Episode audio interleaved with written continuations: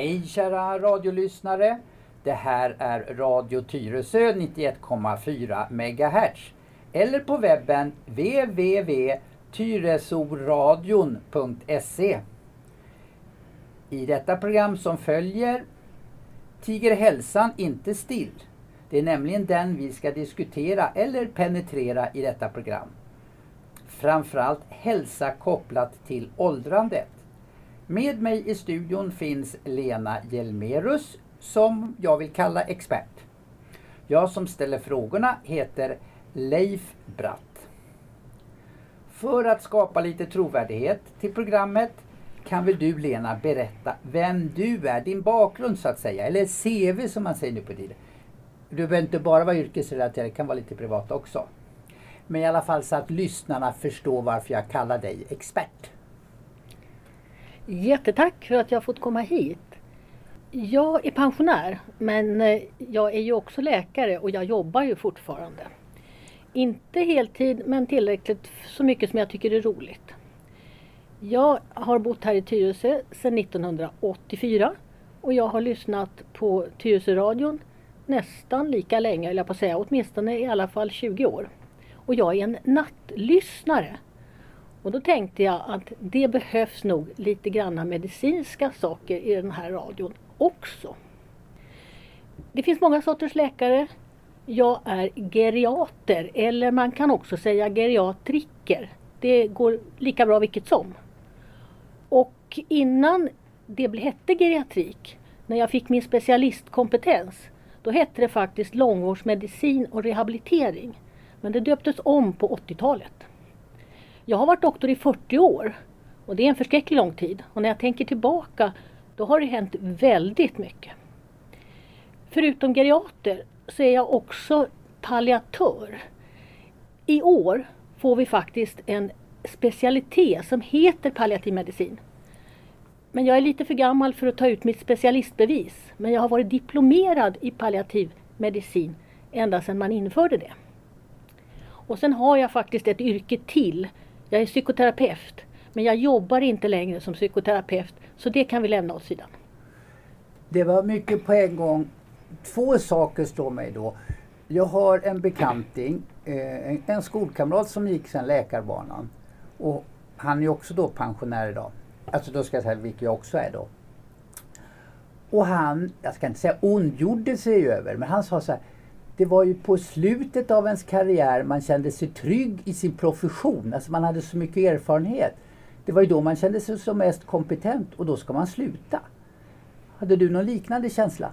Ja, det är klart att det är så. I, I början när man är ung läkare, då tror man att man kan väldigt mycket. Sen kommer en fas i livet när man inser att man faktiskt inte kan nästan någonting.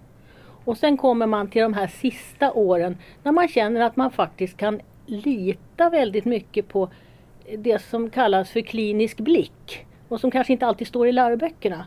Men man får en känsla för om folk är friska eller sjuka och man får någon slags distans till vad är, vad är rimligt att hålla på med. Men sen är det klart, man ska nog vara lite skärpt ändå så att man inte gör några större misstag. Och jag hoppas att någon säger till mig den dagen det är dags för mig att sluta. Så att jag inte behöver gå över den där tröskeln att jag gör något, något tokigt. Det är ungefär som det är svårt att säga till sin pappa att sluta köra bil. Ja, något åt det hållet. För det är väldigt roligt att vara läkare. Det är för många ett drömyrke men det kanske inte alltid är. Det är ett tufft yrke men det är, det är väldigt skojigt. Får jag då den andra saken som slog mig. Du använder, vilket jag tycker läkare gör rätt många gånger, svåra ord eller eh, ord som vi andra vanligtvis inte använder. Hur skulle du, det var två ord som slog mig geriatriker eller geri, ja, ja, geriatrik eller ja, någonting åt det hållet. Och sen var det pallia, palliativ eller någonting sånt.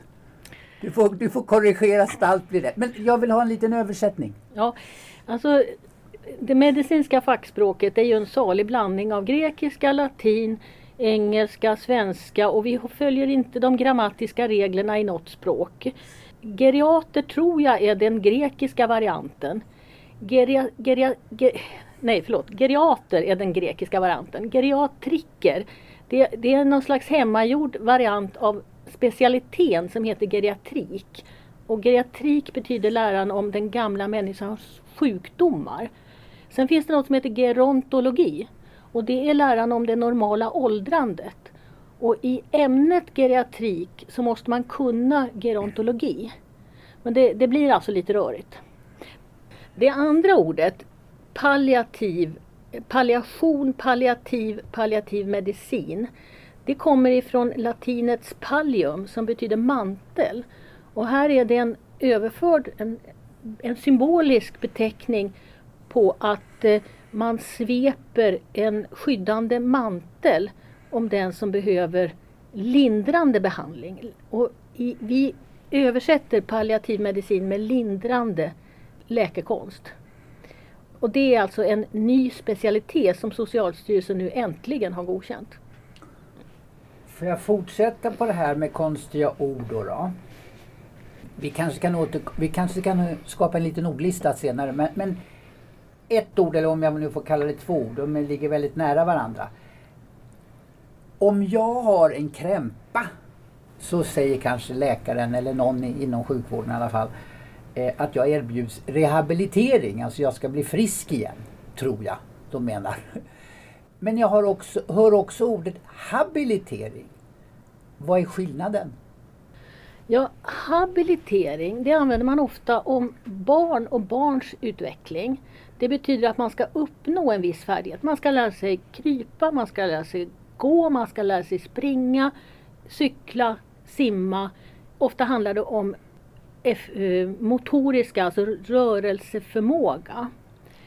Rehabilitering, då ska man återfå de här kunskaperna. Man ska alltså efter en sjukdomsperiod åter lära sig att, att gå eller cykla eller springa. Det vill säga få tillbaka hälsan.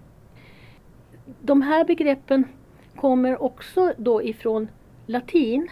Och där har vi alltså den lekande människan, Homo habilis. Till skillnad från den upprättgående människan som var den första, Homo erectus, och den nuvarande, Homo sapiens, som är den visa människan. Men vi var, vi var den lekande människan en, en period emellan där, Homo habilis. Rör, rörliga? Rörliga, ja. Vi gick ner, vi klättrade ner från träden och började springa på savannen. Då har vi lärt oss några ord. Ja, det är kanske lyssnarna som kunde dem där redan men eh, jag har fått hjälp på vägen i alla fall. Och har jag nu fel så drar jag inte för att påpeka det för att eh, ibland får jag också saker och ting av bakfoten. Men då kommer inte jag kalla dig expert längre. Ja men jag kan få vara expert på något annat istället då. Ja, okay. Än latin. Okej, okay, då, ja. då ska vi börja Eh, med vad jag skulle vilja kalla de stora penseldragen. Eh, och så ska det bli som en liten tratt där vi går in i mer detaljer lite senare. Men generellt sett då när det gäller hälsa och framförallt då hälsa på äldre dagar. Vi säger så här, jag är en man i mina bästa år, 66 år gammal. Men jag är medveten om att jag börjar åldras. Eh, bland annat så klickar ju närminnet allt tydligare. Det ska vi återkomma till. Men i alla fall. Vad skulle du säga jag som en medelsvensson på något sätt? Vad har jag att förvänta mig under de närmsta 20 åren? Fram till 85 säger vi. Vad, vad säger, jag ska inte säga statistiken, men vad säger din erfarenhet? Vad kan jag vänta mig? Ja, de allra flesta 66-åringar lever ganska bra. Och det gör de ytterligare minst 10, kanske 15 år. Eh, det går någon slags gräns när man börjar komma uppåt 80. Eh, och det kan vi återkomma till sen varför det gör det. Eh, men de här åren som är framför dig, de närmaste, då är det väl så att har du saker du väldigt gärna vill göra, då ska du göra dem nu. För att det är ändå år som rent statistiskt är aktiva och bra år. Eh, vi, vi lever ju längre idag än vad vi någonsin har gjort. Och det finns, man pratar ibland om medel, förväntad medellivslängd. Förväntad därför att vi kan ju inte veta hur gamla vi blir. Men den sista siffrorna nu, de ligger för en svensk kvinna på 83,7 och för en svensk man, han har faktiskt passerat nu 80-årsgränsen, han ligger på 80,1. Men sen bor ju du och jag i Stockholm och då är det faktiskt så att då får vi lägga på några år till. Så att en, en kvinna i Stockholmsområdet i en sån här kommun som är ändå relativt, vad ska vi säga, välbärgad. Eh, vi kan nog räkna med tre år till, både du och jag. Så då blir du 83 och jag 86 i något slags genomsnitt. Och sen får vi hoppas då att vi tillhör den där delen som är på andra sidan genomsnittet. Ett, ett genomsnitt är ju också några som blir lite yngre och så några som blir lite äldre. Men någonstans där kan vi idag räkna med att vi kommer att leva. Och ser man tillbaka då är det tio år längre än vad mina föräldrar levde och mina föräldrar hade ändå ett rätt så långt och bra liv. Och det kanske är tio år ytterligare än vad mina mor och farföräldrar levde.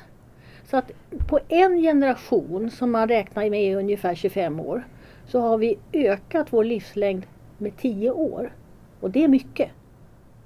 Men fortfarande då, de här ja, åldringsproblemen. Alltså vi som är äldre, vi sitter ju bara och pratar sjukdomar med varandra.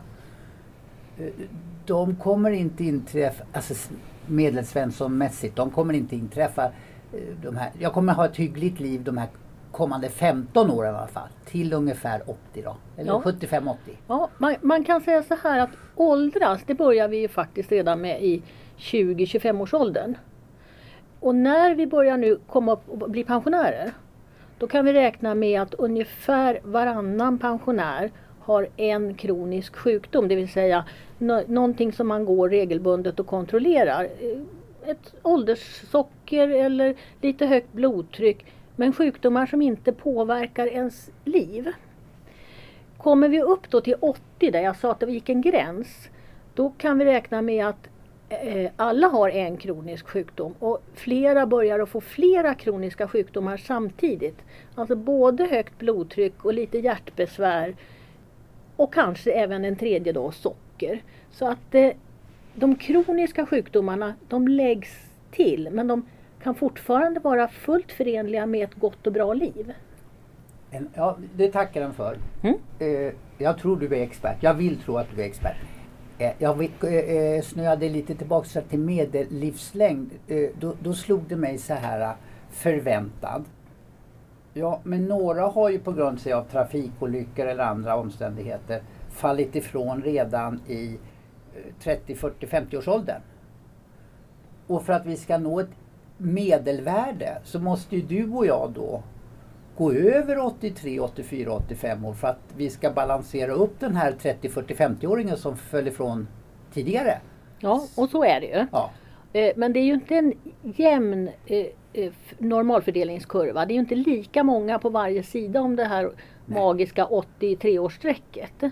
Utan förr eller senare så kommer vi ju dö. Ja. Och det är bara det att den här kurvan de allra sista åren blir lite brantare. Jo, eh, ska jag säga så här då, då? När du berättar om hur eh, åldrandet kommer gestaltas i alla fall de, närmsta 15 åren, mellan då 65 och eh, 80 säger vi då. Är det någon skillnad på män och kvinnor? Ja, det är det. Och eh, samhället idag utgår ju väldigt ofta från männens åldrande. Men det är nog så att kvinnorna har vi kan säga så här, kvinnorna lever ju lite längre men de är lite sjukare. Kvinnorna har sämre skelett, de har lite sämre balans, de eh, har mera värk. Männen har å andra sidan då prostatabekymmer som vi kvinnor slipper. Och eh, eh männen kommer ju också förlora muskelmassa. Men det påverkar inte deras rörelseförmåga på riktigt samma sätt. Det här ser man ju om man tittar sig runt omkring så ser man ju att det är skillnad på en äldre man och en äldre kvinna. Törs jag säga att eh, när du säger så här så börjar jag tänka efter. Och jag ser ju fler kvinnor gå med rullator än jag ser män. Men det kanske har med stolthet att göra också? Det inte ja, bara... det, är nog både, det är nog både och. Det är, en, en kvinna är nog så pass klok som förstår när hon behöver hålla någon i handen så att säga. Om det nu är en rullatorkompis. Ja. ja. Om vi då, då ska jag glida tillbaka till det här ordet rehabilitering i den bemärkelsen att jag då undrar så här, om vi håller oss kvar i det här Svensson-temat, alltså van, vi vanliga människor säg att jag istället är 40 år istället för den aktuella siffran då, då som vi inte behöver tjata om. Jag är i 40-årsåldern, jag är i, i eh, stressar lite på jobbet för att märkas och, och för att kunna vara, eh, komma i fråga om det blir någon karriärstege. Och, eh, jag är mer soffpotatis än motionär. Det blir några glas vin i veckan och kanske en bläcka på, till helgen.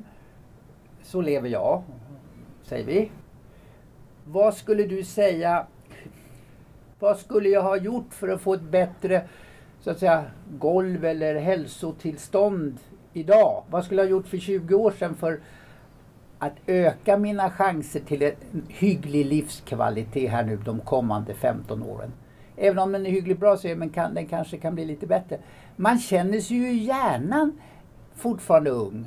Alltså nu blir det väldigt personligt men jag har ju passerat min pappas ålder och det var ju lite vad du var inne på. Men för mig var ju pappa en gammal gubbe. Jag är ju tjo och kim och, och, och ja, ung. Tror jag. Man, man, man, är ju aldrig äldre man känner sig och, och självbilden den förändras ju med åren. Om, om vi håller oss till det där, vad hade du kunnat gjort? Hade du kunnat leva på ett sundare sätt och mått bättre idag? Det är ju jättesvårt att säga. För det är ju så många andra faktorer. Vi ser ju att 40-åringar går in i väggen. Vi har... Eh, men det är väl inget bra att göra? Nej, men det kanske en, kan vara en, en, en avstamp, ett, ett steg in i något annat. Så det är inte bara av ondo heller att tvingas att stanna upp ett tag. Det, det, är ju alltid svårt det här med om. Om inte om hade varit, hur hade det varit då? Jag tror att de som om, om vi vänder på det och säger att de som blir riktigt gamla, det är ju ofta människor som ändå har en rätt så positiv syn på livet. Och som har, kan se tillbaka och säga, jag har haft ett roligt liv. Då är det lättare att åldras. Eh, nu är ju inte livet roligt och, och det finns stora avgrunder i det men att säga att man skulle ha gjort på något annat vis när man var yngre, det tror jag inte på riktigt.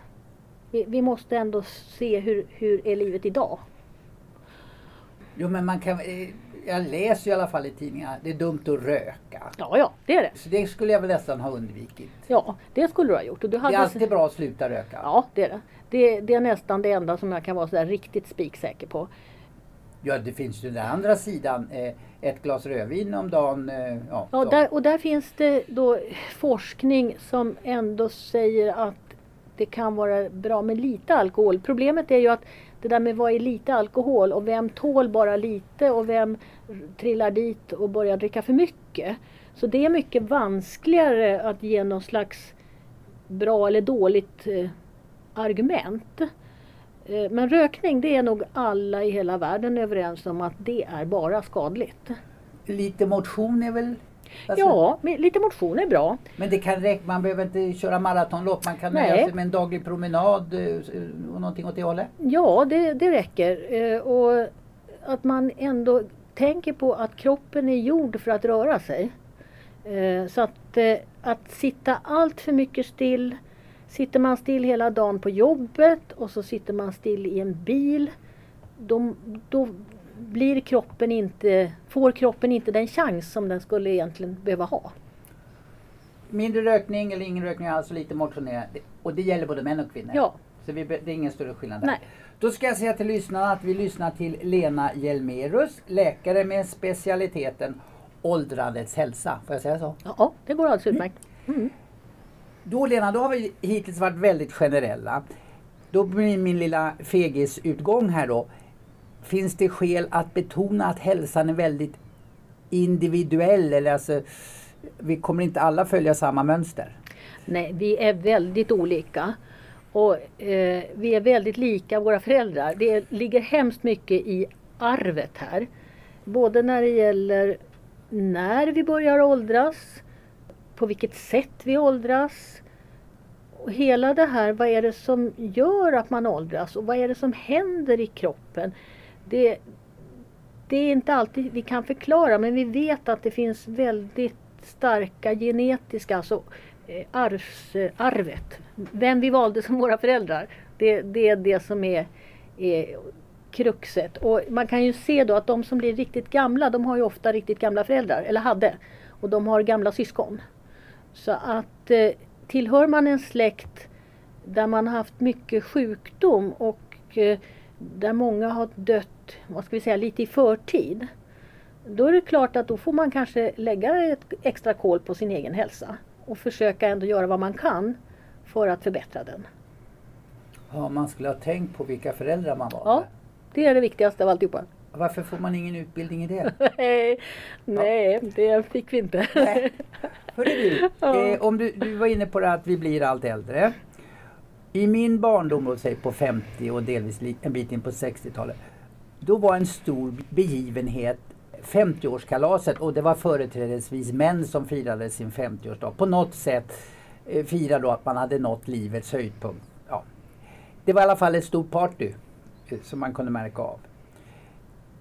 Jag tycker den där företeelsen, fem, det stora 50-årskalaset eh, och man kanske fick någon minnestallrik från sin arbetsgivare eller någonting sånt. Vad skulle du, om du jämför då, vad är livets höjdpunkt, peak nu för tiden? Du ser, vi har blivit tio år äldre och har också då livskvaliteten följt med uppåt, eller? Vad är vår peak idag? Ja, jag tror att den ligger... Alltså nu, om vi nu pratar om Sverige, där vi har ett, ett pensionssystem som gör att vi ändå många ändå har hyggligt ekonomiskt ställt när de slutar arbeta. Eh, vi ser också hur människor tycker om att resa. Och eh, jag tror att de här första åren efter pensioneringen mellan, säg mellan 65 och 75, där någonstans har vi väldigt många aktiva människor. Både fysiskt aktiva och psykiskt aktiva. Eh, med i föreningsliv, deltar i polit politiken. Sen, det finns en annan aspekt på det här med 50-årskalaset också. Det är att, att liksom bli hyllad för den man är eller har varit. Och där är väl kanske pension, pensionen har börjat bli den punkt när man kan se tillbaka och säga att den här människan har gjort det här. Eh, eller har åtminstone gjort det här. Eh, så, så någonstans skulle jag nog ändå säga att, att 65-70-årsdagen motsvarar gamla tiders 50-årskalas. Mm. En helt annan sak då, då i åldrandet, det är ju vårt tema. Då ska jag säga så här att i mitten på 70-talet då var jag resledare och en tid stationerad i Rumänien.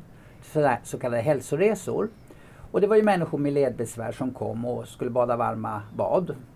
Och få lerinpackningar kanske. Men det kombineras också med eh, lite fysiska behandlingar. I Sverige sa de flesta, där fick man ju bara värktabletter och en del tyckte inte det var så kul. Men det kom också människor för att få injektioner av någonting som hette Gerovital och nu börjar jag fatta varför det heter Gerovital med tanke på din yrkestitel och sådär. Men i alla fall det här Gerovital skulle fungera som en slags bromsmedicin sades det för åldrandet. Vet du någonting om det fungerar eller var det bara en sån from förhoppning? Ja, det var ju länge sedan 70-talet och eh, jag, jag har någon slags hum om att Gerovital var ett multivitaminpreparat eh, med lite av varje inuti. Men eh, jag har inte slagit upp det. Det finns nog ingen sån där det finns nog ingen sån där medicin som kan påverka åldrandet egentligen. Det finns ju ett gammalt taleskratt att det är ett gott skratt som förlänger livet. Och det tror nog jag mera på. Men sen är det klart att man ska eh, som när som helst i livet se till att man äter bra och att man sover bra och att man får is, att man är ute och får lite solljus. Nej, jag tror inte du kan gå på apoteket direkt och köpa något eh, underpiller och inte i hälsokostbutiken heller tror jag. Men alltså människor är olika och man kan, i, man kan känna sig piggare av olika saker. Och det är klart att mår man bra av något som man har hittat eller fått eh, något tips om eh, så länge det inte är skadligt. Och det bör man ju ändå ta reda på vad det är i det och om det har några negativa effekter. Det finns ju lite vad vi kallar placeboeffekt. Tror Ja, man, ja, då kanske- mycket, mycket stor placeboeffekt. Det, det gör det. Det kanske hjälper till, eh, i alla fall i huvudet, att man känner sig... Ja. Ja, Då, får, då Ja. hoppas vi på det. Eh, tron försätter berg. Ja då, det gör Mm. den. För mig finns någonting eh, som heter läkared. Jag tror man, alltså, när man ska gå ut läkarskolan, om det nu heter så, så, så ska man svära någon slags eh, läkared som handlar om att man alltid ska rädda människoliv och det är läkarens yttersta plikt och alltihopa. Eh, hur är det med det? Ja, alltså vi svär inte längre. Det slutade man på 1860-talet med. Men ända sedan eh, de gamla grekerna, det var ju Hippokrates som hade en skola. Där, eh, en, en, han, var, han var läkare och han hade en skola där han utbildade adepter. Och eh, de regler som han skrev ner, de levde, har levt kvar ända sedan dess. Idag så går det till så att när man vill bli medlem i Läkarförbundet, vår fackförening, då förbinder man sig att följa Läkarförbundets etiska regler. Och när jag gick med på 70-talet, då var de 12, sen blev de 16 och nu är det 19 regler. Men det är alltså, eh, vi har en lag och lag, lagen gäller ju alla läkare oavsett om man är med i vår fackförening eller inte. Och den lagen är ibland lite strängare faktiskt än våra etiska regler. Sen har ju många andra yrkesgrupper tagit efter och har också, journalister har e- etiska regler som är lite likartade. Men det handlar väldigt mycket om att eh, man ska hela tiden försöka se allt med patientens ögon och det är patienten som går före allting annat. Får jag fråga dig då så här. Eh, vi för ju ibland eh, en diskussion om att läkaren ska delta i, om patienten så önskar, någon slags aktiv dödshjälp. Vad är din syn på det då? då? Det är ett jättestort ämne och som palliativmedicinare har jag väldigt mycket att säga där så det får vi ta ett helt eget program till. Det, det är nog lite för mycket för att prata om idag. Vad glad jag blir när, när du säger så. För det här, jag blir ju inspirerad här att vi, vi har ju mycket lära. Jag tänker så här. Äh, jag ställer massa gnällfrågor eller ser problem eller vad vi ska kalla det för. Och så tänker jag, nu fattar jag, det beror ju delvis på att jag är okunnig eh, på det här området och många andra i och för sig också. Men du med din kompetens, du inger ju lite hopp och förtröstan, eller vilka ord jag, lösningar, vilka ord jag nu ska använda. Så det är klart vi ska ha fler program och prata om det här så rätta ut massa frågetecken. Och då kanske vi också kan göra så att vi kan bjuda in, sen kanske inte vi kan svara direkt, det får kanske bli till hösten då. Men om det är några av lyssnarna som har någonting, och då kan vi, vi svarar ju inte kanske på den enskildes lösning, men alltså generella saker, vad man grubblar över i åldrandet. För vi kan ju inte sitta i radion och, och, och diagnostisera människor som är långt härifrån. Men de kan väl få skicka sina undringar? Ja då, det får man gärna göra. Men det här är inget Fråga doktorn-program. Och många gånger så tycker jag att man ska vända sig till sin husläkare. Och det även, nu vet jag att jag kanske sticker ut huvudet, men det är, går att få ta kontakt med sin läkare. Det, det kan vara svårt att få en tid, men man kan nog alltid ändå få en kontakt med sin doktor. Via mail eller något som heter Mina vårdkontakter eller via ett vanligt hederligt pappersbrev som man lämnar in på vårdcentralen. Men det var lite det jag menade, Mm. men det var inte, jag menar inte att vi skulle vara Fråga doktor, men det kanske Just så här, vi åldringar vi pratar väldigt mycket sjukdomar och då kanske någon som undrar över kopplingar hit och dit. Är det sant? Ja då, ja, det, ena kan vi, det kan vi svara på. Generella grejer Ja, tar, ja. tar vi Oh, upp. oh, Då ska jag säga till lyssnarna att adressen är info och sen det här kanelbullen eller snabel A Tyresoradion ett ord .se Vi får fortsätta med frågorna då i kommande program för det finns ju lite kvar som jag hade förberett men som vi inte hann med idag. Ja, och jag kan prata väldigt mycket om vad som händer i kroppen. Både när man åldras och i andra sammanhang. Och då inkluderar du knoppen i kroppen. Ja, ja, oh ja den, den hör till. Den, den hör till.